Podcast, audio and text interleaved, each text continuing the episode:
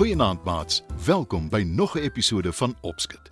Ek weet nie van julle nie, maar ek ken mense wat omtrent net mooi altyd die verkeerde ding doen. Ek glo nie dis altyd omdat hulle moetswillig is nie. Hulle luister dalk net nie mooi na 'n opdrag nie of anders is hulle verstrooid en vergeet hulle gou. Maar wat ook al die rede is, dit kan baie frustrerend raak vir die mense om hulle. Vanaand vertel ek julle 'n storie van 'n seun wat net mooi altyd alles verkeerd gedoen het. Nou ja toe, kom ons spring weg.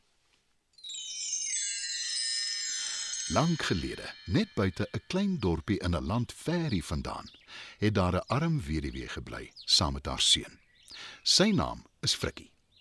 Hy is lief en gaaf en vriendelik, maar hy kon byna niks reg doen nie. Wanneer sy ma dus vir hom 'n opdrag gee, voer hy dit nie altyd reg uit nie. Sy is baie lief vir haar seun, al maak hy haar soms moedeloos. Op 'n dag, toe daar amper niks kos in die huis oor is nie, stuur Frikkie se ma hom na die nabygeleë dorp toe met 'n pot heuning. Gaan verkoop dit op die dorp, maar moenie te veel praatjies maak met die mense nie. sê Frikkie se ma vir hom. Sy is bang dat as hy te veel gesels met die mense, hulle hom dalk sal afstry en te min geld sal gee vir die heuning. Frikkie vat die pot heuning en beloof sy ma hy sal net die nodige vir die mense sê. By die dorp aangekom, loop hy in die hoofstraat en roep: Jenning, heerlike verssoet jenning te koop. Toe die mense hom vra hoeveel hy vir die heuning vra, bly hy choopstil, want hy onthou sy ma se woorde. Die gevolg is dat niemand sy heuning koop nie, want hulle weet nie hoeveel dit kos nie. Frikkie stap toe maar terug huis toe met sy pot heuning. Op pad huis toe, begin daar 'n klomp vliee om hom draai. Hy neem sy kans waar en roep: Jenning, heerlike verssoet jenning te koop. Maar vliee het natuurlik nie geld om sy heuning te koop nie. Hy dink 'n oomblik na.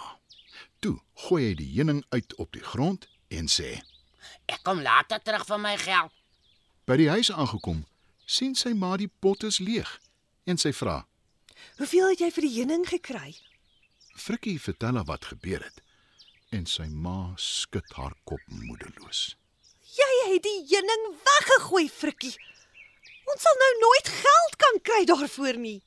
Maar die volgende dag gaan Frikkie terug na die plek waar hy die heuning op die grond uitgegooi het. Die slag het hy 'n houtstaf by hom. Toe hy daar aankom, draai die vliee nog steeds om die oorgeblewe heuning. Maar toe Frikkie eis dat hulle hom betaal, vlieg hulle net weg. Hy is woedend en gaan na die dorpie toe. Frikkie loop reguit na die magistraat se kantoor toe en hy vertel hom wat gebeur het. Die magistraat lag en sê: Vliee is nare goed. Hulle versprei siektes. Al wat ek doen wanneer ek een sien, is ek slaan hom daar en dan dood. Net toe gaan sit daar 'n vlieg op sy neus. En Frikkie dink nie twee keer nie. Hy mik om die vlieg dood te slaan op die magistraat se neus, Eina, vir wat slaan jy my op my neus? Roep die magistraat. Daar was 'n vlieg. Ek het maar net jou opdrag uitgevoer. Antwoord Frikkie. Die magistraat weet sommer dadelik dit help nie eers om verder met die seun te praat nie en hy stuur hom huis toe. Toe sy ma sien hy is terug, weer eens met Leande, raas sy en beveel hom om geld in die hande te kry vir kos. Frikkie wil nog vra hoe hy dit gaan regkry, maar hy sien hoe vies hy is en beloof hy sal 'n plan maak.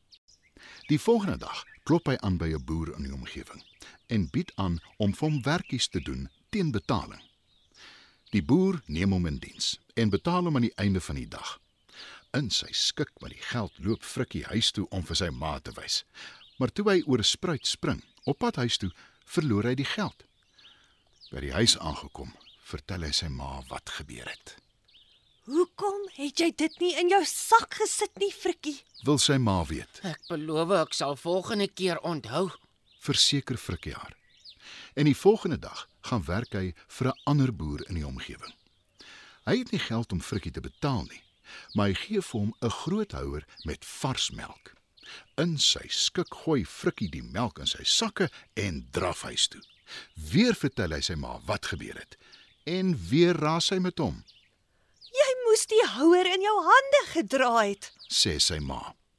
En weer beloof Frikkie hy sal dit onthou vir volgende keer. En dis ook wat hy toe doen. Die volgende boer gee vir hom 'n skaap vir sy werk. Hy tel die skaap op om dit te dra, maar die skaap wil niks weet daarvan nie. Hy spring uit sy hande en hardloop weg. Sy ma raak nou al hoe meer moedeloos omdat haar seun net mooi niks wys vir sy werk nie. Jy moes 'n stuk tou gevat het en dit om die skaap se nek gebind het. Ons kon goeie geld daarvoor gekry het. Raas sy. En Frikkie beloof dat hy dit volgende keer sal doen.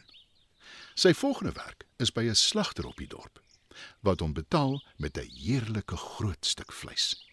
Frikkie weet dit sal sy ma gelukkig maak en hy kan nie wag om dit vir haar te gee nie. Hy bind die vleis met 'n tou vas en sleep dit agter hom aan huis toe. En natuurlik bly daar niks oor van die vleis nie.